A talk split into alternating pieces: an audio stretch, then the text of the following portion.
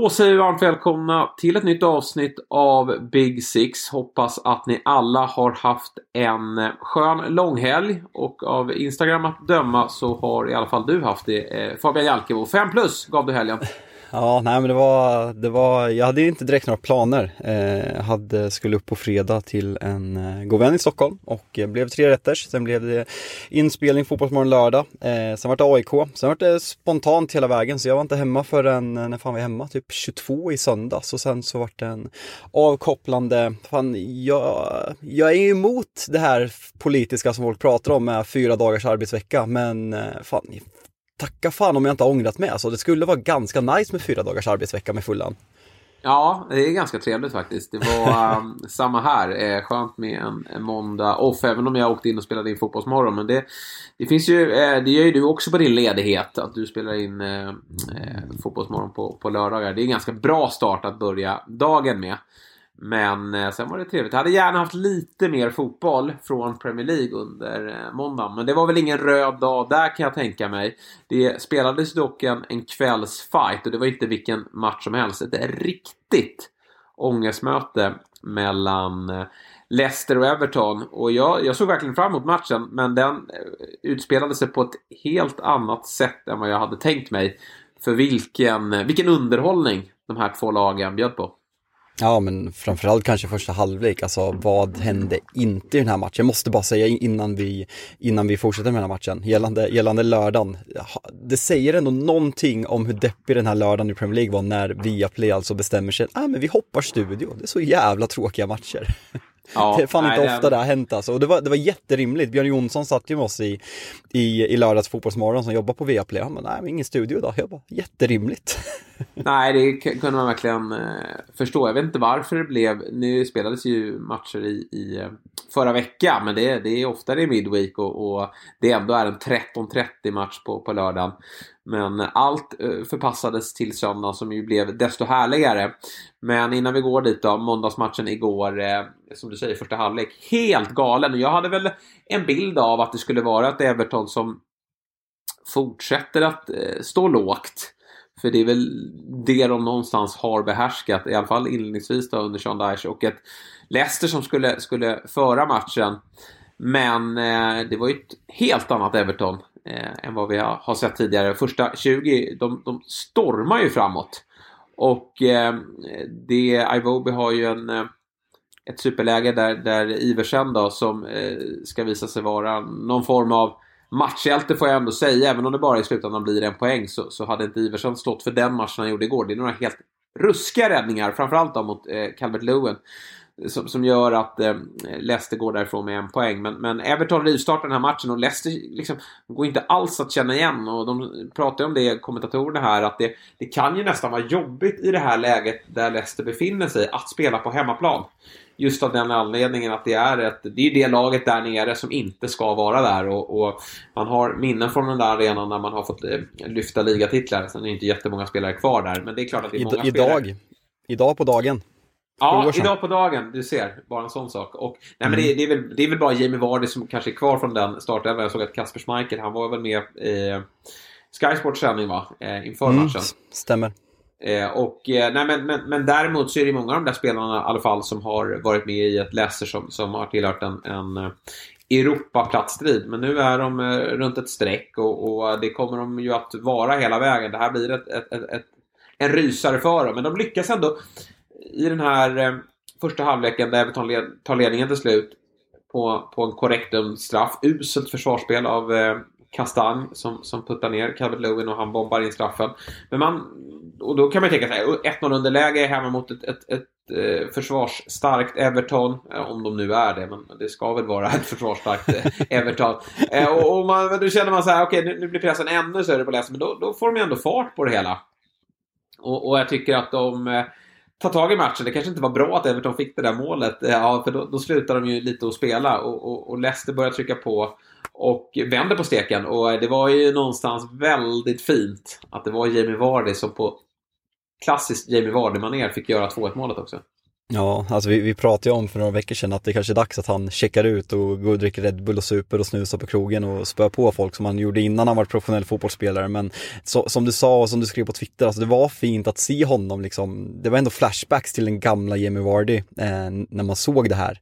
Och Eh, ja men hela, ja men det, det är ju en match med så många olika ansikten, alltså Everton start, Leicester sen, missade straffen, Seamus Coleman skada, det är så jävla mycket som händer och nu är vi bara inne på första halvlek. Det, det var svårt att ta in och som vår klippare Erik, eh, Erik Lenje skrev i, eh, i en intern chatt, han bara det här är ju Premier League när det är som allra bäst. Och det är det här som har lockat att ja, men om, man, om man jämför, alltså jag kan uppskatta toppmatcher i andra, i andra ligor men jag skulle ju aldrig sätta på Almeria mot Espanyol. För de, kalla mig PL Runki, kalla mig vad fan som helst. Men sådana här matcher sker inte mellan, mellan sådana lag i någon annan serie. Här är Premier League och engelsk fotboll överlägset. Ja, och alltid fullsatta läktare och, och, väldigt mycket på, på spel här. Jag vet inte om det var den här matchbilden tränarna ville ha. Det, det kan ha varit så, för jag tror att John Dyche någonstans känner att nu, nu, får vi prova något annat. Nu får vi släppa...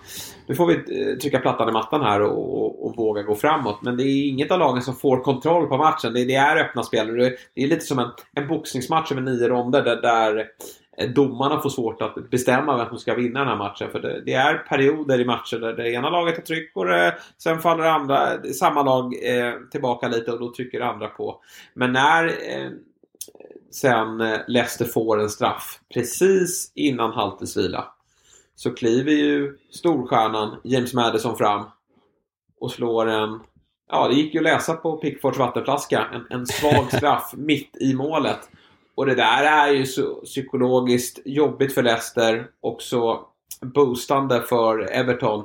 Att det är fullt logiskt någonstans att det är Everton som gör 2-2 målet sen i, i, i början på andra halvlek. Det där kan bli kostsamt. Det kan bli väldigt kostsamt. Och känslan var innan den här matchen, alltså det är två lag, kanske framförallt Everton men även Leicester med väldigt negativ form, att man kände att det laget som förlorar den här matchen kändes det som att de kommer inte vända på det här. Det, det var liksom min känsla att det här laget tillsammans med, med Leeds, eller i alla fall Leeds fram till det briserade ut lite nyheter för något, eh, no, några timmar sedan som vi, som vi kommer till sen. Men eh, att det verkligen kändes som att jag har svårt att se att Everton torskar den här matchen, så har jag svårt att se att de vänder på det. Men nu, nu kom den här straffmissen i med nio minuters övertid och, eh, och även, och sen kommer Evertons kvittering andra halvlek så vi är liksom på status quo igen och man, kollar man vi pratade länge om hur många lag det var inblandade, men nu känns det verkligen som att Bournemouth, Wolverhampton och West Ham har på något sätt fått ett steg så att man är för långt före, men att det skiljer en poäng mellan fyra lag. Två av de lagen ska åka ut och två av de lagen ska klara sig. Jag, jag, kan verkligen inte analysera hur det ska gå, för de här lagen har styrkor på väldigt olika sätt och samtidigt har man svagheter på väldigt olika sätt och alla lag kan falla igenom lika mycket som att man kan göra en toppinsats och så slå de flesta lagen. Så det, det känns, jag ska inte ens gissa, för jag, jag har fan ingen aning. Nej, det är jättesvårt att, att göra det. Men eh, i både, både Leicester och Everton har ju lite eh, små eh, kämpiga möten kvar faktiskt. Everton till exempel då möter ju titeljagande City till helgen. Eh, går säkerligen inte att hämta jättemycket från den matchen. Nej, jag har fel. Det är Brighton i helgen. Sen är det City. Och det är Brighton inte heller jättekul att möta i det här läget. Sen är det Wolves och Bournemouth och förhoppningsvis då för Evertons del så har ju båda de lagen säkrat sina kontrakt. Eh, när vi kommer dit. Men, men det låter vi också vara osagt. Så det, det, kan ju vara också tuffa matcher. Jo, Wolves har ju 37 och Bournemouth 39. Det ska vara klart då. Det kan ju vara verkligen positivt för, för Evertons del.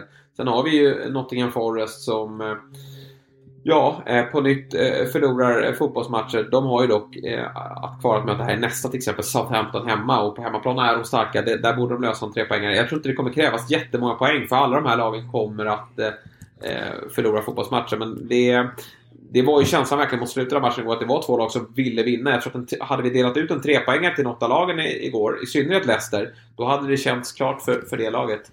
Eh, vi, vi ska också addera då att i första halvlek, den, den hade ju allt och, och, tyvärr hade den även en, en, eh, en befarad långtidsskada och kan ju vara, eller jag förmodar att det är karriärshotande.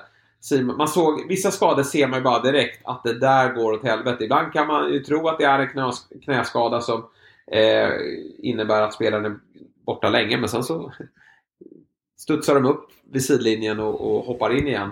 Men för eh, Simons Coleman då, denna eh, Everton-trotjänare som har ju... Ja, men jag vet inte hur många säsonger han har bakom sig eh, i laget. Men det är en, en, spelare som har varit där väldigt många år. Han kommer ju, eh, vad jag tror, han är 34 år nu, fyller 35 här i oktober. Ser vi honom på fotbollsplanen igen? Alltså man vill ju på något sätt att han ska göra det. Han kom alltså 2009 till Everton, ja. har gjort 352 eh, ligamatcher läser jag innan till här och han är verkligen, han klassas ju som en av alltså 2020-talets eller 2010-talets bästa värvningar. Jag tror han typ kostar så här 200 000 pund eller någonting. Alltså det var helt osannolikt att han har liksom varit den spelaren man, man minns ju med, med glädje eh, Everton när man utmanar verkligen om Europa League och de placeringarna när man spelar med Leighton Baines till vänster och Seamus Coleman till höger. Sen har han ju ja, fått karriären lite stagnerad på grund av skador men att han skulle avsluta sin karriär i Everton med att man åker ut och att han drar, ja men eventuellt korsbandet då i i den 34 omgången skulle vara väldigt, väldigt, väldigt tråkigt. Så du bara hoppas för hans skull att han, att han tillfrisknar snabbt och att, han, att det här inte blir slutet. Eh, han, har ju, han har ju förhoppningsvis ett irländskt psyk. Det känns som att irländare, de är lite mer hårdhudade än, än engelsmännen. Så det känns alltså, psyket kan nog vara ganska fint där ändå, så jag, jag hoppas. Ja, han eh, får hitta inspiration i eh, i Zlatan helt enkelt. Och, äh, det är ju en sån där gubbe verkligen om Everton skulle åka ur som, som känner att han nog vill hitta tillbaka. Men, men jag tror inte bara det är korsband i det där knät som är av. Det känns som att allt rök där. Och, det är som Zlatans, är det... mot, äh, Zlatans mot Anderlecht när det. Man vet väl typ inte ens vad det är än idag, men allt.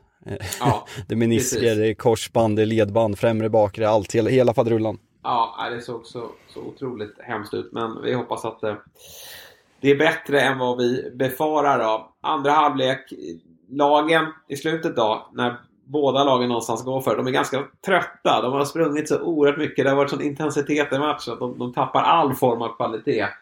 Och eh, någonstans känns ju... Jag tycker 2-2 känns rättvist då. Men det är ändå på något sätt två förlorare. Även om en förlust såklart. För ett av lagen hade ju inneburit att det... Ja men det hade känts tvärkört. Ja, Everton hade väl på något sätt, alltså fan, de där två matcherna nu, jag är svårt att se att man tar poäng mot Brighton borta, City hemma, men man hade väl på något sätt, alltså torsk den här matchen så hade det sett mörkt ut. Kryss kan väl på något sätt vara okej. Okay. Sen ska man åka till Wolverhampton och sen har man Bompan som vi sa i sista omgången. Det är där man ska avgöra. Så poängen är bättre för Everton än för Leicester. Leicester borde ha vunnit den här matchen. Eh, mm. Men så kommer, man, så kommer Leicester åka ut, så att det här är en av de matcherna man kommer se tillbaka på. Att liksom det här, hade Madison gjort 3-1 på straff där, det är lite samma sak som när när Saka missar straffen mot, eh, mot West Ham i 2-1 ledning. Eh, West Ham går upp och sen så tappar man poäng matchen efter mot Southampton och sen torskar mot City. Det, det är en sån situation man ser tillbaka till. Sen, fine, Arsenal, man, man, kommer mer prata om att City var för bra, men det där är ändå en situation som kommer bli ganska säsongsavgörande för Arsenal som inte ser ut att gå mot titel nu. Ja, men på tal om James Madison då. Är det inte en jättestor besvikelse? Alla kan ju såklart bränna straffar, men, men vi tittar bara på Everton i fjol. Då, då klev ju deras superstjärna Richarlison fram och gjorde skillnad. Såg till att Everton hängde kvar. Nu gjorde ju Jamie Vardy bra igår. Sen, sen är ju han till åren. Vi får se vad han kan bidra med. Jag är övertygad nu med Ianacho borta att Vardy kommer spela många matcher. Förhoppningsvis var det här bara, var det bara början på en stark slutspurt från, från hans sida. Men, men James Madison är ju Eh, alltså ser vi till de 22 spelarna som är där ute på banan så är ju han den, den klart lysande stjärnan. Och han måste ju kliva fram i den här matchen eh, och, och, göra skillnad. Och eh, han slår en jättefin boll till Jamie Vardy eh, på 2-1 målet men jag tycker att man borde kunna kräva mer av honom. Och han har varit lite småsvag mot slutet. Hela våren är en, en lite av en besvikelse. Och ska han visa att han tillhör någon att han ska in i någon av de här Big Six-klubbarna som, som, jag menar, Kasper Schmeichel säger inför matchen att han kan gå in till vilket lag som helst. Det håller jag ju inte med om. Men, men eh, ja, jag tycker att han borde, dels för Leicesters skull och se till att de hänger kvar, men också för sin egen räkning visa här nu att han, han eh, är en superstjärna. Ja, nej men det, det är det som är viktigt med de här lagen, att det, superstjärnan måste kliva fram. Alltså Brentford var ju tippade att komma efter Leicester på många plan. Kolla vad Ivan Tony har gjort i år, det, det är sånt som krävs. Watkins i Aston Villa, det är högre upp i tabellen men det är fortfarande på pappret likvärdiga klubbar inför säsongen. Och sen kollar man, ja men Bournemouth, Solankis form senaste, senaste månaderna, det är han som skjuter kvar och liksom står för förarbete för att Bournemouth tror med all sannolikhet kommer hålla sig kvar. Medan Madison, som du säger, har vikt ner sig, känns fel att säga för det är inte sluten, men det är han som ska kliva fram för det är han som är den stora stjärnan och liksom får debutera, eller debutera men har tagit sig in i landslaget på grund av sin, sin fina form. Så nej, han, eh, upp till James Madison eh, mm. med många andra men framförallt James Madison som ska vara den offensiva stjärnan i det där laget just nu.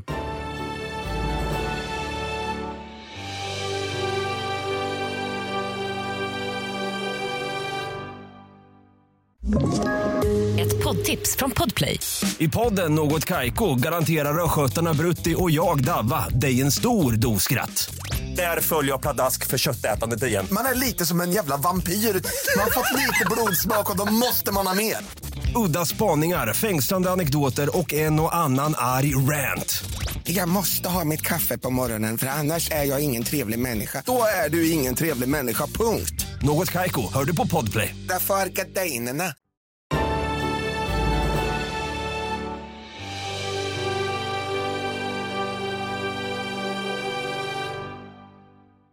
Ja, han var ju taggad inför VM och var riktigt bra. Man tycker att han borde vara taggad nu då när det vankas eh, ja, klubbyte och eh, streckstrid. 2-2. Eh, vi lämnar det och så tar vi oss till ett eh, möte som var ju minst lika underhållande faktiskt. Men lite högre upp i tabellen. Under eh, söndagen då så möttes ju Liverpool och Spurs. Och jag vet inte vad som sägs i Spurs omklädningsrum inför matcherna. Vad, vad de har sagt under hela året. För det här, nu har man ju bytt tränare. Man har ju haft lite olika lösningar. På, det är tredje tränaren här nu då i form av Ryan Mason den här säsongen. Men eh, hur usla är inte Spurs i första halvleken? alltså, vad hade hänt om, alltså om det hade skett en Newcastle igen? Att liksom, för när det står 3-0 efter kvarten till Liverpool. Alltså man känner ju verkligen, om Liverpool vill, alltså det kan bli 8-0. Hade Mason fått sparken då, eller vad hade hänt då? Nej, jag vet inte. Det var ju... Det hade ju haft, det hade ju haft något. Nej, men vilket, man såg att några lämnade eh, läktaren och det hade ju kunnat verkligen eh, slå mot dem med tanke på vilken eh, ja, andra halvlek det är och att Spurs verkligen tar sig in i den här matchen. Men det, ja, Liverpool hade ju kunnat straffa dem mer. Det kändes som att det var... Det är ju bara att gå rakt igenom Spurs backlinje. Den är ju så usel. Eh, det är... Ja. Jag, jag, jag håller inte Romero högt längre. Jag, jag har typ aldrig gjort det, alltså, alltså missförstå mig rätt. Alltså, jag, jag blev provocerad för att han tog eh, Lisandro Martinez plats i argentinska VM-startelvan, men han är ju, alltså jag kan tänka mig ett Atalanta med den liksom shapen som de spelar, eh, att han kunde vara bra där. Jag såg honom inte allt för mycket, men i Tottenham, jag tycker inte han har varit bra över en lång period sen han kom till klubben egentligen. Och de där bredvid, Eric Dyer, alltså det, det räcker nu. Alltså han kan inte spela, alltså, framförallt inte i ett engelskt landslag, det går inte. Lenglet, usel, Ben Davis, medioker, Pedro Porro kanske kommer att bli bra men kan inte försvara, Ivan Perisic, ja men jättebra i Inter med lite lägre tempo, han kan komma runt på, på kanten och piska in inlägg men det är inte lika snabba omställningar, för dålig defensiv. Alltså vad vad ska Tottenham satsa på i den där backlinjen? Sen plus att man måste byta målvakt. Fraser Forster, för dålig. Joris, ja men det, det är ju bara ge upp. Alltså han är kapten för klubben, men han är 36 år. Slutat i franska landslaget, men det, där finns ju ingen framtid. Vad, vad har man att bygga vidare på? Nagelsmann verkar vara första alternativet att komma in, men alltså Julian, på riktigt, alltså mm. ta inte det här jobbet. Alltså du gör bort dig. Du gör bort dig.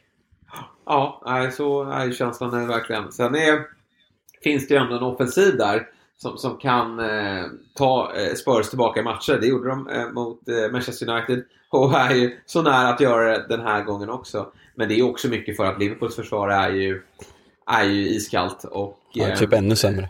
Ja, pratade med Jonas Olsson som gästade oss i Fotbollsmorgon igår vad, vad han ser som problemet och han som, som som han själv uttryckte sig då. Eh, själv gammal mittback så måste han ju försvara mittbacken i det här fallet. Men, men han tycker väl att försvarsspelet framför backlinjen är det, är det stora problemet. Och då är det inte bara mittfältet utan även att eh, eh Sadio Manés frånvaro eh, är, är, eh, har fått betydelse. Och Luis Diaz som, som ju gjorde det bra i fjol, han har ju missat hela, hela säsongen. Men eh, Liverpool som, som har allt under kontroll, 3-0 och, och är ju på väg att göra något nej, men nästan historiskt igen. Då. Vi har 7-0 matchen ganska färskt i minne. Om, de hade som sagt kunnat slakta Liverpool, eh, Spurs här. Men, men så går de ner sig. Eh, och eh, det är katastrofalt försvarsspel. Andy Robertson hur dålig är inte han? Lite så att han, han kommer lite i skymundan av att alla går på Trent. Ja, Och nu har ju Trent lite spelat upp så här mot slutet och i, i sin nya roll och, och den är man ju förtjust i och den där högerfoten kan han ju mer fokusera på i den, den rollen han har och inte bara behöva tänka bakåt. Men, men då riktar vi fokus på en annan back som har det ganska kämpigt. Robertson är ju katastrofal. ja nej, jag, jag tycker väl på något sätt, alltså fine, mittfältet är Liverpools största problem. Eh, det, det tycker jag verkligen och jag tycker man ser på spelarna, liksom Curtis Jones har gjort den där platsen till sin, det säger, det säger lite, för han är inte tillräckligt bra, han kommer aldrig bli tillräckligt bra. Men jag tycker att det är lite för, nu har jag inte lyssnat på Jonas Olsson, jag tycker han ofta har bra takes, förutom när han har, du, har, du, har du tänkt på Jonas Olsson när han, hur han alltid vinklar att allt är Maguires fel för att han ska försvara Victor Lindelöf. Det, det är fascinerande att lyssna på.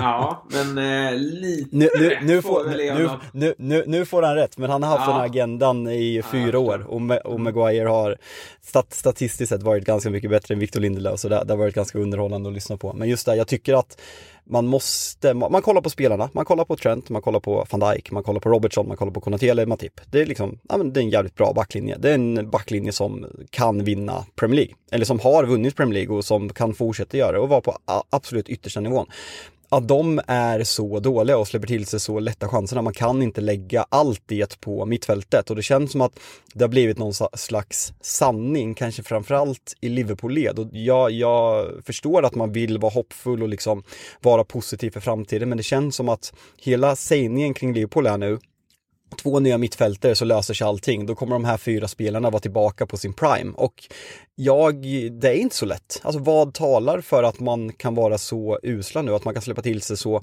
mycket bakom sig, mellan sig, in sticken, man följer inte försvar, man ser loja ut. Är det liksom mentaliteten att man liksom, man skiter, det känns som att van Dijk, han, när, han, när han är bra, då är han liksom, ja men, bäst i världen, det tycker jag verkligen. Eh, men nu känns det som att han, ja men de andra är inte bra, så då går jag på 85-90% så jag orkar inte täcka upp för dem längre. Alltså på den nivån känns det. Och vad talar egentligen för att alla de här ska få en revival och bli så bra som de var för, för, för två år sedan? Jag, jag har bara svårt att se det och jag tycker att det är en lite för lätt analys att bara säga att nej men får vi in Moises Caicedo och Alexis McAllister på det där mittfältet så kommer Liverpool bli bäst i världen igen. Jag, jag tror inte det. Jag, jag tycker att det är en för lätt förklaring för det är något, något mer grundartat i Liverpools ja, försvarshaveri haveri som som visar sig i den här matchen och he- hela matchen känns säsongsdefinierade för båda lagen. Nu får Liverpool in 4-3 på ett jävligt sjukt sätt. Alltså det är, det är sådana scener, alltså dels Richarlisons firande, Richarlisons historia med Liverpool och med Carragher, att han tar av sig tröjan och Första firar sådär, målet sådär i mycket. Premier Ja. League då, för Spurs. Ja, nej men det, det, det är liksom skrivet i stjärnorna att han ska få äta upp det där och Carragher var ju på honom, eh, deras relation ändå, ändå fin. Men det var, det var så mycket som var så signifikant för båda lagens säsong att Liverpool, höjden finns där och sen slutar man spela fotboll och man kan inte försvara och Tottenham dåliga perioder och sen visar man, ja men fan vi kan ju spela fotboll. Man kommer ihåg Antonio ja. Conte, vad var, vad var det vi, vi pratade ju, det, det känns som år sedan, men vi pratade hur dåliga man var i första halvlek. Man släppte in första målet typ så här 12 matcher i rad och sen kom man ut som ett helt nytt lag i andra halvlek och vände och tog mycket trepoängare. Så den här matchen känns så jävla signifikant för båda de här lagen anno 22-23. Ja, men Son börjar ju faktiskt se bättre ut. Han, han Mm. hittar ju den där ytan nu bakom backlinjen och är, börjar bli jobbig att möta och dessutom kommer igång lite i, i poängproduktionen. Och när han är i form då, då kan det verkligen lossna. Vad det nu ska ge Spurs här mot slutet, det känns inte som att de har någonting att spela för mer än att Son lämnar säsongen med en bättre känsla och kan ta nya tag nästa säsong. Och, eh, men men eh, Lucas Moura då, att han ska komma in här eh, igen då. Vi, han ställde ju till det mot Everton var det väl när han tog det här röda kortet. Just ja. Som ledde till att man tappade poäng eh, till slut mot Everton på Goodison. Och, och nu kommer han in och, och gör ett... Ja, men det är ett bedrövligt Eh, agerande eh, som leder till att Jota rinner igenom och eh, när han får de där lägena Jota då, då, då blir det mål. Eh, så att Lucas Mora, nej, men det, jag vet inte hur långt kontrakt han sitter på men, men det finns inte på kartan att han är med i uppstarten när Spurs tar ett eh, omtag på allting här i, i juli. Ja, nej, det är mycket som behöver ske i den där truppen. Eh, det blir, det blir spännande att se. Det är, det är många lag som går en spännande sommar till, till mötes. Men, eh, så vi pratar om eh, avgörandet och det som har blivit en snackis efteråt, Jürgen Klopps firande. Vad, vad kände du när du såg det? Nej, men kul såklart. Han, han skäms ju nästan lite. Men det är väl att han ska gå och mucka lite med domaren där också. Är det väl, han, han tar kliv mot. Sen ska han göra den här bröstningen mot, jag vet inte vilken spelare det var han skulle krama om där, men eh, det ser ju väldigt roligt ut. Och han erkänner väl efteråt också att det är, ett, eh, det är baksidan som går. det är så sjukt, det är så, alltså det gör ju att det hela blir roligt. Jag, så, jag såg, jag, jag prenumererar inte på The Telegraph, men jag såg att någon hade skrivit en debattartikel om ja, men hur, hur tränares beteende, hur länge man ska acceptera. Alltså så här, det är ju på något sätt alltså att man förminskar domaren när han går fram och bröstar upp sig mot fjärde domaren. Kan väl på något sätt tycka att det, ja, men att det ska rendera i ett rött kort för att det är en sån tydlig markering. Sen, sen är det så tydligt också så här, tänk dig om det här, om Liverpool hade varit i en i Arsenals position, för mig som motståndssupporter och liksom slagits med ligatiteln med Manchester City eller något annat lag. Och man hade avgjort på det här sättet och Klopp hade gjort det där mot domaren. Jag hade blivit, alltså jag hade kokat. Alltså jag hade mm. kokat, jag hade liksom känt så här peak hat mot Jürgen Klopp. Men nu så här, nu kan jag ändå uppskatta det. Alltså jag, det där, jag tyckte bara att det var roligt och att man brydde sig inte. Det visar ju hur mycket man, hur mycket känslorna för andra klubbar beror på hur man går i ligan. Alltså mina, mina känslor för Arsenal har ju blivit starkare på ett negativt, alltså missförstå mig rätt när jag säger negativt plan, men när Arsenal gör de här last minute winnerna, exempelvis, vilka fan var det mot, med Reece Nelson gör, gör det sena målet, då känner man ju mer än exempelvis när Arsenal låg femma, då är det såhär, ja ah, kul för dem, man bryr sig inte riktigt. Nu bara, fan, allt går med dem, de har så jävla tur de där jävlarna, allt flyter för dem. Och det är verkligen hur, hur laget presterar, men eh, man gillar ju känslor, så är det ju. Sen ska man väl inte brösta sig mot domaren, men Klopp har ju tydligen en ganska problematisk historia med, med Paul Tierney som var huvuddomare i den här matchen med många domslut som har gått emot Liverpool. Så det där var nog, det där var nog inte bara att det var i stundens hetta, det där var nog något som har byggts upp under en väldigt lång tid. Ja, eh, viktig trea för Liverpool. Sen var det ju jobbigt för dem då. Det hade ju... Eh, alltså, Newcastle ligger ju faktiskt under mot Southampton. Sen, sen eh, vänder de fullt rättvist i andra halvlek. Men det hade ju kunnat vara ett poängtapp där. Och United vinner ju med 1-0. Du ska få berätta mer om den matchen också, men det, det var inga stora siffror där heller. Hade det varit två poängtapp där, då, då, tror jag att Liverpool verkligen kände att de har hugg. Nu blir det ju svårt ändå. Alltså det, det är, man, har, man har spelat 33 matcher då i Liverpool, så det, det är fem matcher som återstår. Och det har Newcastle också. Och Newcastle leder med 9 poäng eh, och dessutom en, en eh, bättre målskillnad. Jag eh, tror det blir jättesvårt att komma ikapp Newcastle, för de, de, är ju också väldigt bra för dagen. Och, ja, nu möter de ju eh, eh, Arsenal här till helgen, men det är en match jag faktiskt tror att de har väldigt goda möjligheter att vinna. Sen är schemat ganska enkelt faktiskt. Så att, nej, Newcastle har vi ett Champions League. Det är ju United man får hoppas på här då. Men United har en match mindre spelad. Eh, den är ju mot Brighton i veckan, så den är inte eh, lätt på något sätt. Men jag tror ändå att det blir väldigt svårt för, för Liverpool att eh, ta ikapp det där. Men Liverpool har ju alla möjligheter faktiskt att gå rent. För, för Liverpools schema är jätte, jättetrevligt. Det är jättebra som sagt. Eh, man, ja, Leicester borta är väl på pappret svårast. Eh, annars har man ett jätte, jättebra schema. Jag, jag är med i en United-grupp där det finns en, en riktig domedagsprofet. Han, han eh, säger det är klart att Liverpool går rent så han räknar på att United behöver nio poäng på, på de sex senaste matcherna. Eh, och det bör man väl kunna lösa. Eh, man har ändå ja, men två hemma, tre hemmamatcher, Chelsea, Fulham och Wolverhampton. Eh, och hemma har man varit helt sensationellt jävla bra i år. Och sen utöver det, Brighton borta, West Ham borta och Bournemouth borta. Nio ja. poäng på de sex matcherna, det måste man lösa. Och sen, verkligen. jag är ju verkligen inte säker på att Liverpool går rent. Mycket talar, kollar man på schemat så det ser väldigt bra ut, obviously, men man släpper in så jävla mycket mål. Alltså någon, jag tror att något poängtapp kommer komma. Eh, vad, jag, jag ser liksom inte att det talar för att man ska Alltså släpper man in ett och ett halvt mål i snitt per match, man gör inte två mål i snitt per match i de här matcherna. Så jag, jag tror att Liverpool kommer råka ut för ett poängtapp och att det kommer sluta som, att, eh, som, eh, som ligan ser ut nu. Även om United ja, men möter Brighton borta på torsdag, det är väldigt svårt att se United få med sig något som det ser ut just nu. Nej, Villa och Brentford skulle ju absolut kunna hota på Anfield. Eh, de, de, eh, I synnerhet Brentford gillar ju den där typen av matcher och Villa är ju trots förlusten då mot United absolut på gång. Och jag tror mm. att det var statistik väl på att eh, Aston Villa har gjort mål i eh, de 20 senaste Premier League-matcherna. Men... Eh, Mäktiga jävla Vigge. Där klev Vigge in och han hyllas ju eh, brett här nu eh, bland väldigt många supportrar, tyckare och experter. Eh, när det kommer till insatsen just mot Aston Villa. Jag såg inte den här matchen för jag vet ju att du sitter och kollar på ditt eh, kära United. Var han så bra som, som rapporterna ja. antyder. Nej men jag tycker han har varit jävligt bra sen, sen Lisandro Martinez och Rafael Varan gick sönder och eh, tycker kanske, nej jag ska inte säga framförallt, vi ska fan hylla Vigge nu, men jag tycker det är imponerande Luxors eh, förvandling, hur bra han har gjort det på en position han egentligen aldrig har spelat på, hur de kompletterar varandra jävligt bra, för ingen av dem är ju, Luxor är längre än vad man tror, han är ju typ 1,85, Vigge är väl 1,83, 1,84, så han är, han är som jag, jag har alltid, jag har spelat mittback på min nivå, det ska inte, jämför det med Victor Lindelöf, det ska jag inte göra, ja. men man, man ses ju som en ganska kort mittback med den längden.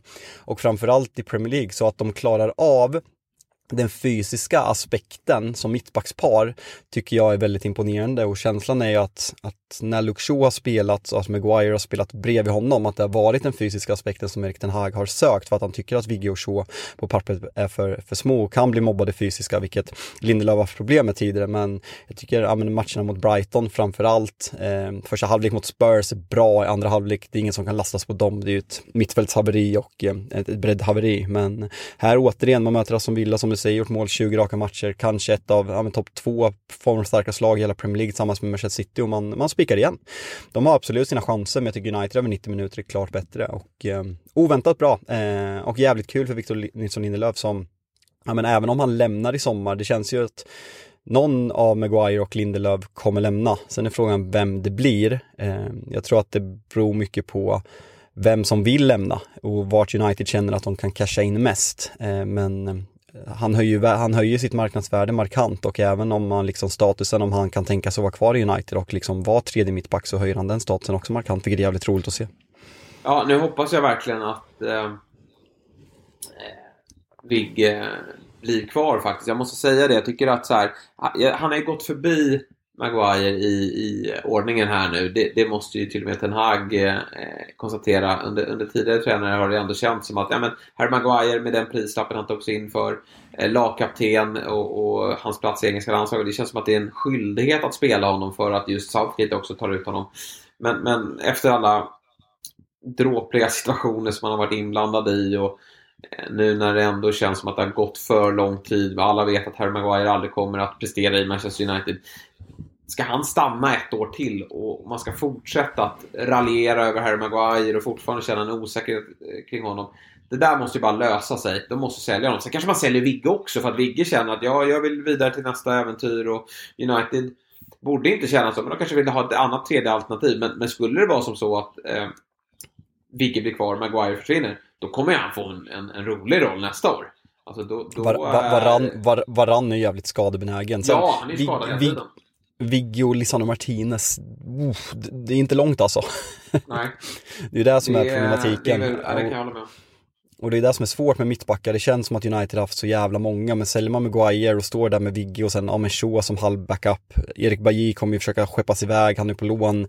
fan är han? Han är Marseille va? Eh, och sen även Axel Tuan Sebe vars kontrakt går ut kommer också skeppas. Så då är det helt plötsligt ganska, ganska tunt på den här platsen. Det, det är svårt med mittbackar. Man känner ju typ, ja men som Liverpool som har haft på pappret ett, liksom en bra bredd länge med, ja, med van Dijk som given, Konaté bakom och sen Matip som har varit bra men börjar stagnera. Eh, Joe Gomez har fått spela alldeles för mycket i år vilket har påverkat Liverpool väldigt mycket. Så det är, det är en viktig position att ha bra när skadorna kommer för det, det är väldigt tydligt i prestation. Du, jag sitter och kollar på Uniteds backlinje som de startar här mot Aston Villa. Wan-Bissaka startade ju inte och då blev det ju Dalot tillbaka på sin högerbacksplats och då är Malassi till vänster och att han är kort, det visste man ju. 1,70. Eh, men vet du hur lång Luke Shaw är? Är han en, en 85 eller? Ja, fan, ja det, det, visste du då onekligen. 1,85. Ja, ja. Jag, jag får uppfattningen att han är betydligt kortare. Sen är inte det något, Ja, jag vet. Det, det är inte att vara lång som mittback, men det är ju det är inte jättekort. Han är, han är ju längre än Lisandro Martinez i alla fall.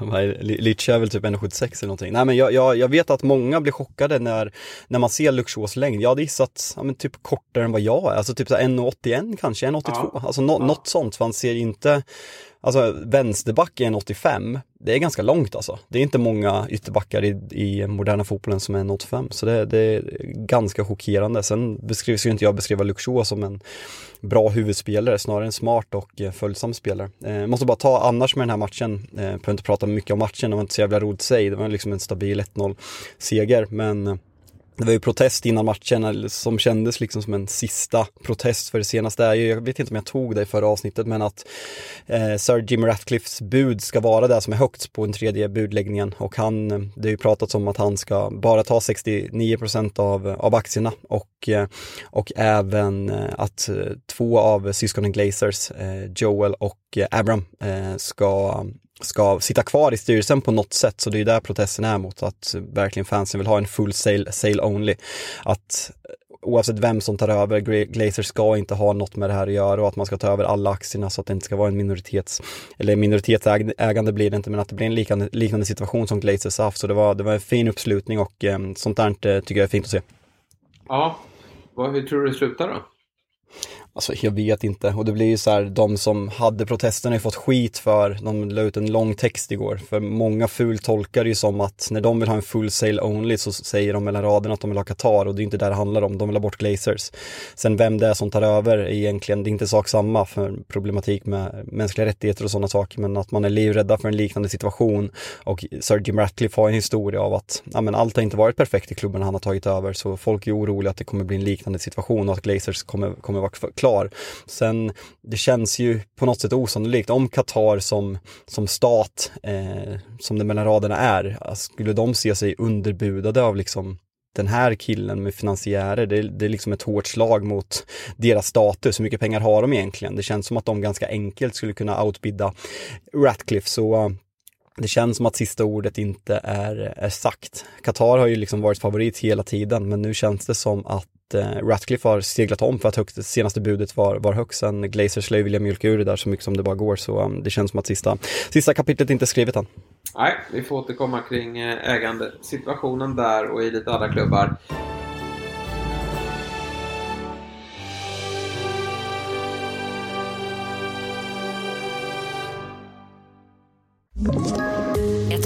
Poddtips från Podplay. I podden Något Kaiko garanterar östgötarna Brutti och jag, Davva, dig en stor dos skratt. Där följer jag pladask för köttätandet igen. Man är lite som en jävla vampyr. Man har fått lite blodsmak och då måste man ha mer. Udda spaningar, fängslande anekdoter och en och annan arg rant. Jag måste ha mitt kaffe på morgonen för annars är jag ingen trevlig människa. Då är du ingen trevlig människa, punkt. Något Kaiko, hör du på Podplay. Därför är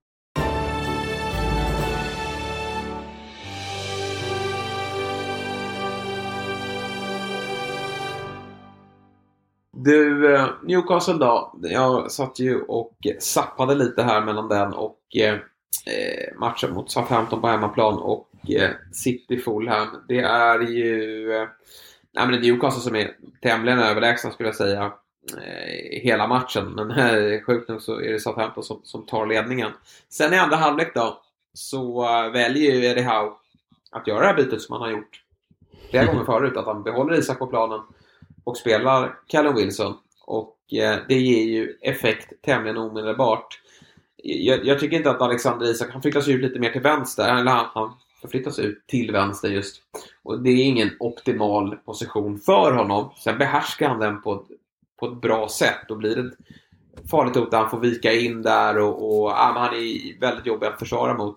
Men framförallt då så får de in Wilson och, och när man har så här två pass heta anfallare det är, det är någon form av följetong. Det är inte bara vi som sitter och diskuterar det här. Det är väl någonting som eh, diskuteras frekvent i, i eh, borta på öarna. Men, men eh, det är ju bara att spela de här två nu framöver. Det, det, finns ju inget annat. Vilken, eh, vilken, vilken säsong han gör ändå, Callum Wilson.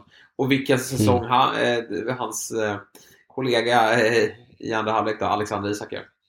Ja, nej men det, det är häftigt och Kellen Wilson, man har, det känns som att man har räknat bort honom så många gånger. Exempelvis, ja, men de åkte väl ut med Bournemouth, värvades som en liksom, ja, men, till ett ganska deprimerande Newcastle som ja, men, låg sist när Eddie Howe tog över och nu är han helt plötsligt ja, men bara öser in mål när, när Newcastle ska säkra Champions League. Det är häftigt att man kan prestera på så olika nivåer eh, trots att man har varit uträknad. Så, eh, och Alexander Isak, alltså det känns ju den här matchen man kollar, jag, jag såg inte matchen eftersom den spelade samtidigt som, som Manchester United, men det känns, alltså man ser ju liksom Southampton 1-0 uppe i, i paus och liksom det är en ganska sen vändning, det är starkt Alltså så här, det mentala, även om man är överlägsen i den här matchen så är det starkt mentalt att få in de här tre målen i, i slutet av andra halvlek. Eh, det säger någonting om mentaliteten och jag tror verkligen att publiken på St. James' hjälper till här också.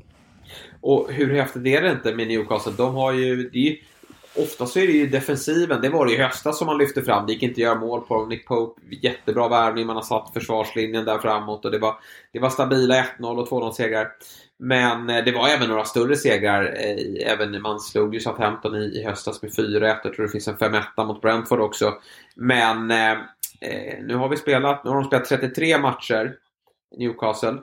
Och eh, de är uppe i 61 gjorda mål ändå. Det, det, är, det är starka papper. Det är, eh, det är ju inte uppe på eh, City och Arsenals nivå såklart. Men, men 61 på, på 33, det är, det är styrka. Och eh, framförallt här mot slutet då, där man ju efter den här konstiga insatsen mot Aston Villa, torska 3-0, så, så har man ju följt upp då med eh, att göra på tre matcher då, 13 mål. Så det de flyger framåt och eh, allt, allt talar för att de eh, spelar eh, Champions League nästa säsong. Ja, nej men jag, jag kollar, sen man åkte ut, sen man torska mot City med 2-0 4 mars, så typ snittar man 2-2,5, nästan 3 mm i mål per match i Premier League. Det, det är sanslösa papper. Så mm. nej, vi har sagt det tidigare, det blir en jävligt rolig sommar för, för Newcastle och eh, se hur, hur det där fortsätter. Bara så spe, spekulativt, vad tror du? Alltså Eddie Howe, Alltså med tanke på hans lilla namn, minst, hur, hur, hur säkert sitter han långsiktigt? Alltså så här, hur mycket förtroendekapital sparar man på en sån här sak? Eller skulle man satsa i sommar och han ligger sexa, sjua efter halva säsongen, börjar det liksom knaka då för att man ska ta in större namn på pappret? Han är, han är en svår situation. Eddie Howe ja. Ja. För att han är, så li, han, är, han är ett sånt litet namn, alltså med ja, Newcastles ja. ambition Nej, långsiktigt. Alltså, alltså City, det var inte, alltså Svennis tog ju över det första, men sen kommer liksom Mark Hughes in. Sen är Eddie Howe en jävligt mycket bättre tränare än Mark Hughes, men det var ju liksom Mark Hughes minsta lilla knak, knakeri där, han kommer ryka. Sen kom Mancini in och förädlar och vann titeln. Jag är svårt att se att Eddie Howe kommer vara den som för Newcastle till att utmana om Premier League. Jag, ja, men jag finner det som väldigt osannolikt och han ska ju hyllas för det han har gjort men samtidigt minsta lilla ja, men, punktering i det där, i, i, i, det där, i det där räcket så, så kommer han nog ganska, försvinna ganska fort med tanke på att han har inte tillräckligt stort namn, vilket är tråkigt men det, det är så fotbollen funkar. Ja, men helt med dig på den. Alltså, jag, jag håller inte som otänkbart att om det, det, det värvas ordentligt i sommar, de skickar det här nej men alltså, och, nej, men, nej men tar in ett, alltså så här, ett Nag större Nagelsmann. Ja, Na Nagelsmann, ja, Nagelsmann, alltså Newcastle är mer lockande att gå till än Tottenham just nu. Alltså utan tvekan. Utan du har ju Champions League-platsen där, du har pengarna, du har ju strukturen. Nej, ja, säg inte att det kommer ske, för det hade ju någonstans ändå liksom varit jättemärkligt med tanke på vilket otroligt jobb det här har gjort här. Ja. Men han har ju framförallt då, eh, det är en sak att maxprestera med, med ett, eh, ett, ett, sämre material. Den, den, den, typen av prestation blir man ju alltid väldigt imponerad av. Lex, Graham Potter, eh, De Serbi. Men nu så höjs ju förväntningarna och det kommer att värvas in spelare från en annan hylla. Och då får vi se då hur Eddie Howe hanterar det.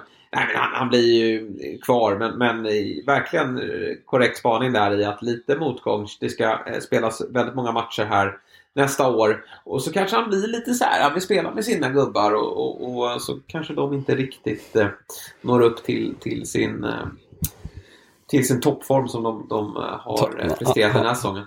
Han tar Neymar i sommar men ändå så här, nej Neymar, ja. Callum Wilson och Alexander Isak ska ja, spela ihop. Verkligen. Du får chilla lite där, du får, ja. men, ska slussa in Neymar. Och så lite stökigt då med, med någon, någon, ja om det är Neymar eller om det är någon annan som, som börjar skruva på sig på bänken. Ja, det är utmaningen för Eddie Howe. Det är, det är jätteintressant att följa. Det, samtidigt då så spelade ju Manchester City mot Fulham. Vet inte vilket avsnitt det var när vi dömde ut Fulham att de har checkat ut, golfklubborna är framme, kontraktet är säkrat, vi ses i jul igen. Men jag tycker verkligen, eh, de klev väl in innan den här matchen med, med två raka segrar. Och jag tycker att de står upp mot City på ett väldigt imponerande sätt här. Det, de får ju värsta tänkbara eh, start, här med, med eh, Julian Alvarez som går omkull och, och det blir straff och den dunkar såklart norrmannen in. Och då känner man att ah, nu rinner det på här. Men, men de jobbar sig in i den här matchen och det är ju den där typen av... Alltså City har ju massor av lägen och, och, och eh, hade en lite normal utdelning så kanske den här matchen slutar 4-1 då. Men, men eh, samtidigt så, så där kan det se ut ibland i City. Och, och, det blir lite krampaktigt mot slutet. Och istället för att liksom defilera in i mål så får de ju liksom gå ner mot hörnflagga och hålla i boll och de är lite stressade. De spelar mycket matcher nu och det är inte den bästa dagen på jobbet. Eh, Kevin De Bruyne då, skadad just nu. Får inga rapporter riktigt om vad, eh, hur eh, illa det är. Men jag kan absolut tänka mig att han inte gör många minuter innan det ska spelas mot Real då. I, i nästa vecka. Men en lite sämre dag på jobbet och när Vinicius gör 1-1 och Ja, då, då, då är de lite småstressade. Sen kliver ju eh, Julian Alvarez in och gör 2-1 och han måste ju få mer speltid nu. Ja, sen är frågan vart. Han, ja, han typ, det, det, det, det, är typ som, det är typ som att han konkurrerar med KDB. Klubb. Ja, men nästan. Alltså jag, det blir kul att följa det där långsiktigt för om man ser, om man ser som en långsiktig ersättare till KDB snarare för alltså nia positionen kommer han ju aldrig ta. Alltså så länge Haaland är i city kommer han spela där och nu med, ja men Phil Foden har sina kvaliteter, Mares har sina kvaliteter när han roteras och sen är det ganska tydligt att i toppmatcherna så kommer Jack Grealish med sin ny, ny eh, vunna arbetskapacitet och liksom blivit en peppfavorit och på andra kanten är Bernardo så det finns ju ingen inget ställe att sätta in honom i de viktiga matcherna så um, det, blir, det blir roligt att följa och det där fortsätter som det har gjort den här säsongen. Alltså nu, han är ung, se och lära första året men långsiktigt så kommer det där börja knaka för han är tillräckligt bra för att starta i väldigt många klubbar. Eh, men eh, det är klart att det är nice för City att, nej men KDB out, så kris för många liksom stora spelare, förutom Haaland då, skadad när, när det ska avgöras, nej men då sätter vi in Alvarez 1 plus 1, hej, tre poäng. Men, men som du säger, det, det är fascinerande med det här City att man, man, är, man är så jävla bra i toppmatcherna. Eh, alltså man, man sätter ner, man har satt ner foten rejält, framförallt på hemmaplan den här säsongen mot Liverpool, mot United, mot Arsenal, mot, eh, mot Leipzig CL, mot Bayern München. Men de här bortamatcherna, man, man har fortfarande stundtals lite problem och eh, man släpper in väldigt, alltså kollar man statistiken den här säsongen, det är väldigt många matcher man har mött lag som gör mål på varenda skott. I, här Fulham med ett skott mål, mål. Eh, men eh, alltså det är klart att det är en rättvis seger, men Fulham, Fulham står upp jävligt bra. Eh, det ska de ha för. Ja, det är imponerande och att de liksom väcker liv i säsongen och inte lägger sig och dör bara för att ett kontrakt är säkert. Utan det, det finns saker att jobba på här. Det är inte de spelarna heller. Som, alltså Mitrovic är ju fortfarande avstängd och, och William är skadad här. Utan det dyker upp lite nya ansikten och den här Vinicius är ju faktiskt... Eh, han är farlig där uppe. Eh, och Andreas mm. Pereira, han är, en, han är ju eh, bofast i den där elvan och har gjort det bra under hela säsongen. Jävla, jävla säsong han har gjort. Ja, och din favorit Palinja, alltså jäklar vad bra han är. Ja, men han, han, han, är, han är bra på riktigt. Ja. Alltså så här, det där är en spelare som ja men det där är ju en roll som jag har fått senaste åren, ja men jag har ju blivit besatt av den där rollen. Du, du vet min kärlek. Ja men den är ju så viktig. Till, till, ja men man kollar på, på alla klubbar och Casemiro är ju mycket som har gjort att United har blivit bättre i år. Eh, Thomas Parteys säsong, det är ju typ första säsongen han är skadefri och det är en stor del varför Arsenal är så bra som han är. Rodri i Manchester City och Fabinho är en del av Liverpools havererade säsong så det, det, är en jätteviktig position och det blir kul att se vad han, vad han gör framöver. Det, det är Lavia som, eh, som är bra men spelar ett för dåligt lag som är, eh, han, han är motsatsen till, ja. till min, min spaning där. Ja, precis. Men City då, hur tror du de kommer att jobba med truppen här nu då fram till Real Madrid som alltså spelas eh, eh om sju dagar, eh, tisdagen den 9 maj. Kommer man att vara försiktig? Jag, jag, jag blir ju någonstans förvånad att han matchar Håland så hårt ändå, alltså för att eh, eh det, nu får han 90 minuter här och, och alltså en skada på honom, det får ju inte ske. Nej, alltså jag kan tänka mig, alltså man har ju alltså West Ham och Leeds hemma de här två matcherna och det, det ska ju verkligen vara tre poäng, man skulle kunna gå på halvfart. Jag kan tänka mig att Håland spelar timmen, båda de här mm. matcherna. Mm. Ja. Eh, kanske, alltså, kanske timmen mot West Ham. Leeds hemma ska ju City slå. Där, där skulle han kunna få bänken eh, ja. för att vila sin för Real Madrid. Annars spela 45 minuter, hoppas att de avgör matchen och sen kliva för alltså sen, Hålands målrekord, jag tror inte han har någonting att säga till om. Eh, det här är Pep som bestämmer, alltså jag tror Pep skiter fullständigt i Hålands målrekord. Nu handlar det om att vinna den här jävla trippen. Ja, och det är, det, är tacksam, ja, men det är tacksamt för Manchester City att man har de här passande uppgifterna. Nu, West Ham tror jag att man kan ställa upp en, i stort sett bästa laget. Leeds lite mer rotation för Leeds är så dåliga. Eh, så den ska man ta, eh, ska man ta oavsett vad man gör. Och sen, sen är den där jävla viktiga bortamatchen först. Eh, och sen en passande uppgift borta mot Everton eh, mellan. Så det, det är ett tacksamt Premier League-schema man har mellan de här matcherna, vilket jag tror kommer bli, bli ganska avgörande. Alltså Everton kommer man ju vinna enkelt mot, men det är halvkul att kliva in där ändå på Goodison Park. Eh, kommer ju käka Kommer sparka ner dem. Inte, ah, men alltså, jag hade inte velat spela mina superstjärnor i den matchen. Alltså, de kommer ju vara helt galna. Det kommer sätta skräck i dem i, i spelartunneln. Så det är um, lite kusligt på så sätt. Sen tror inte jag att City kommer behöva gå rent. Jag tror att de gör det, men jag tror inte de kommer behöva det. Jag tror att eh, Arsenal har fler eh, poängtapp i sig. Inte ikväll mot Chelsea, det, det är väl den lättaste matchen de har kvar. Låt det, oss vara tydliga, inte ikväll. Låt oss vara väldigt tydliga. Den matchen vinner de väldigt komfortabelt. Och det gör City också när de ska möta Chelsea. Men sen finns det lite jobbiga matcher för, eh, för eh, Gunners del. Men ja, vi får väl säga då att City, imponerande att de vinner utan att imponera då. Vad har vi mer att, att eh, ta från eh, eh, vår omgång. Vi har väl... Alltså, vi måste väl, måste väl nämna, nämna Brighton, Bright, ja. Brightons eh, insats. Hur, hur, alltså superlativen för Brightons säsong är svår. Jag vet inte om det var Klopp eller om det var Pep eller vem det var som sa eh, ja, gällande Brighton att de spelar typ säsongens bästa match i Premier League här. Eh, och det som är häftigt den här matchen, alltså det är ju spelare som, som, Ja men verkligen, alltså de spelarna som har stuckit ut i år på ett positivt sätt är liksom, ja men, men Ferguson har gjort det bra som anfallare.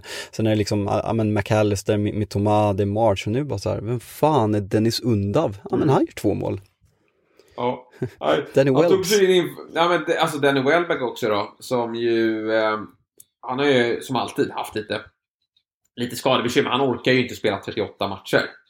Men eh, nu är han uppe på han är sex strutar. Fem assister också. Men han spelar ju så lite fotboll och de får ju... Det var starka kort ändå. Ja, jag tycker att det är rätt okej ändå. 11 poäng är ju bra. I synnerhet när han spelar så lite som han gör. Och nu när det är andra offensiva nyckelspelare borta i den här matchen i form av Mittoma och, och Ferguson som du är inne på. McAllister startar på bänken. Äh, då är det är det väldigt bra. Men, men de, eh, det ploppar upp nya stjärnor. Wellback är väl ingen som ploppar upp då.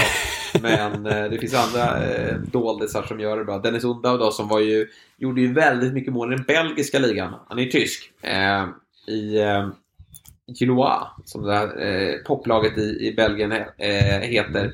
Han har inte riktigt eh, tagit Premier League med storm, men här gör han ju två kassar och 6-0 mot Wolves. Det är ju oerhört starkt.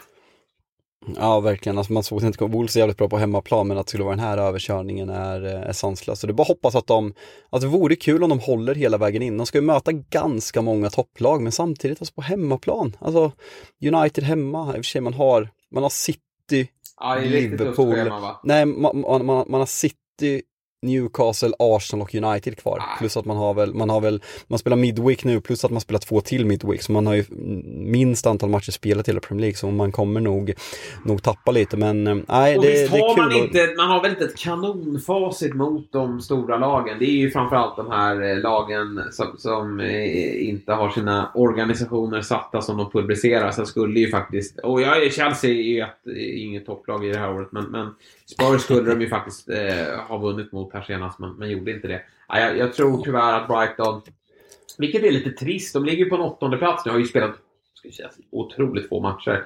Men vi kanske mm. inte tror att de tar så många platser mer. Men jag hoppas ändå att de, de kommer nia i fjol.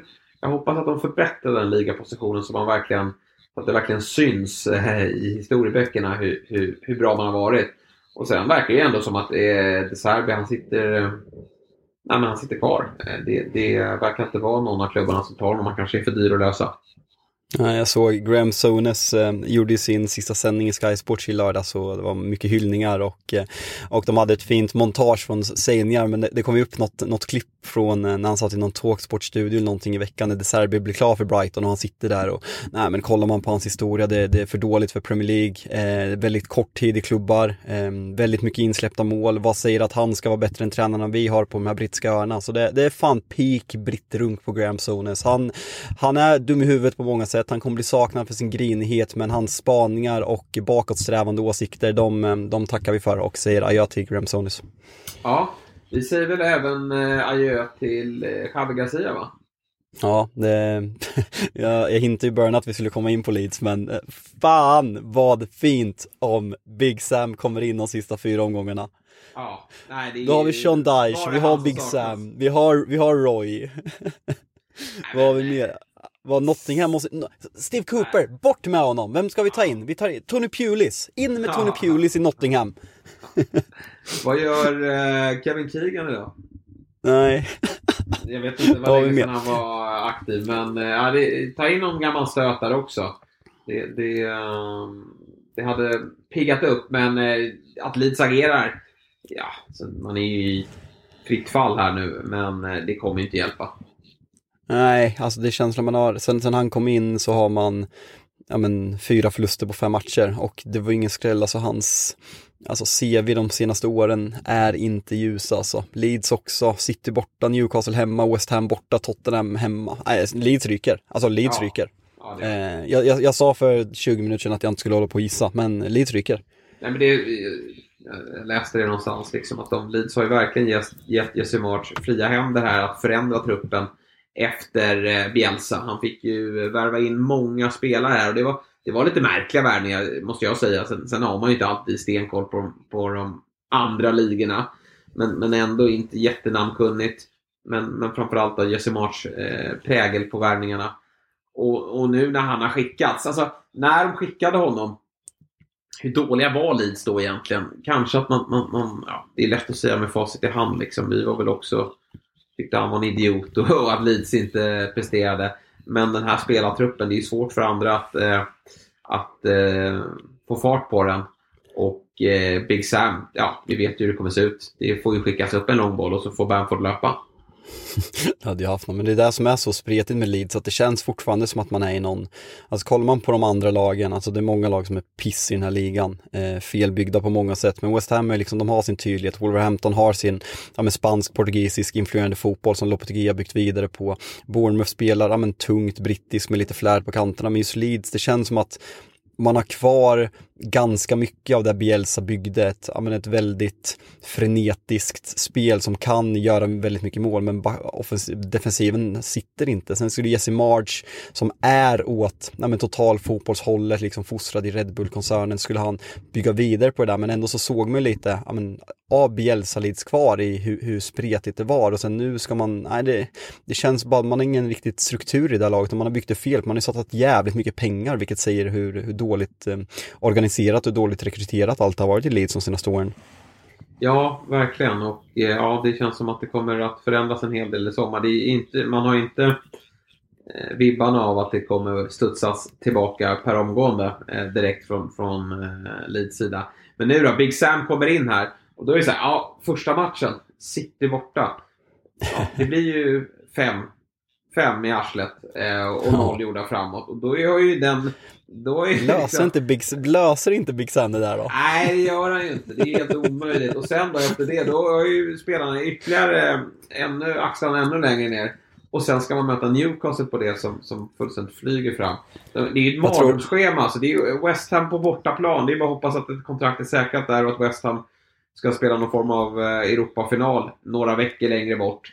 Men eh, sen är det Spurs i sista och de är inte jätteroliga.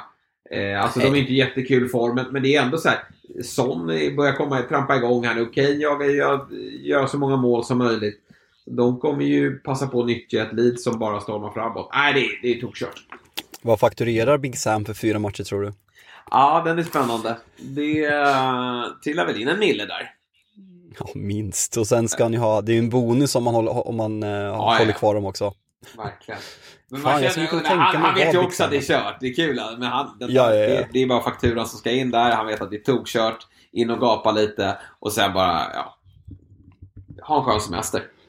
Fan, jag skulle kunna tänka mig att leva Big Sams liv. Alltså. Så här, Ja. Arbetslös i ett och ett halvt år, sen komma in, köra fyra matcher, fakturera ja, men, två millar, bonus på två millar till om man, om man håller sig kvar. Fan, bra liv ändå. Alltså, Big Sam har, alltså, han, har, han, har hittat, han har hittat det. Han, han, han har klarat livet.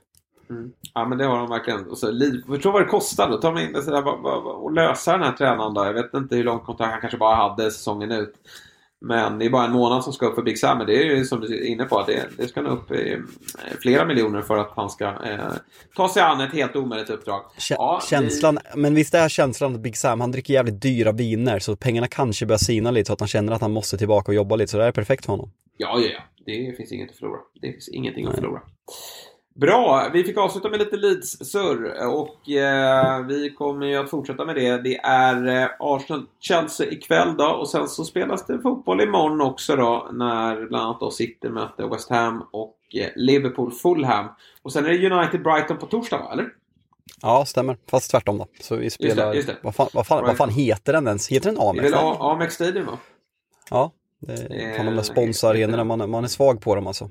Ja, men det mötet det blev ju inte sprakande i FA-cup-semin då, men, men det blev ju nervigt. Men det är där eh, ser vi fram emot på torsdag. Väldigt mycket på spel. Så att det är härligt med, med Premier League-fotboll i veckan. Sen är det helgfotboll. Och sen får vi då eh, det gigantiska mötet. Real Madrid mot Manchester City. Börjar då på Bernabéu va? Är det väl första mötet? Ja, stämmer. Så det Bra. nej, det, fan. det är matcher hela vägen in. Alltså det är midweeks varenda vecka fram till eh, slutet va? Ja, det är, Ja. Eh, ja, alltså om man räknar in Champions League så är det fotboll hela vägen in, dubbla omgångar, eh, dubbla matcher varje vecka. Så det, det är fint. Verkligen. Och eh, ja, det bästa att eh, konsumera då för att få det senaste och de bästa analyserna det är ju givetvis Big Six. Fabbe, eh, tack för en eh, fin eh, timme till dig. Nu ska du ta dig tillbaka till ditt jobb och så tar vi nya tag på fredag va, har vi sagt. Mm, ja men det, det gör vi verkligen. Det blir lite, när man kör tisdag, tisdag, torsdag blir lite, ja men det finns inte så jävla mycket nytt att säga. Så vi, vi kör fredag, får med Brighton United eh, och sen så laddar vi upp för helgen helt enkelt. Blir alldeles utmärkt det. Eh, tack så mycket. Eh, tack för att ni har lyssnat. Vi hörs mot slutet av veckan igen.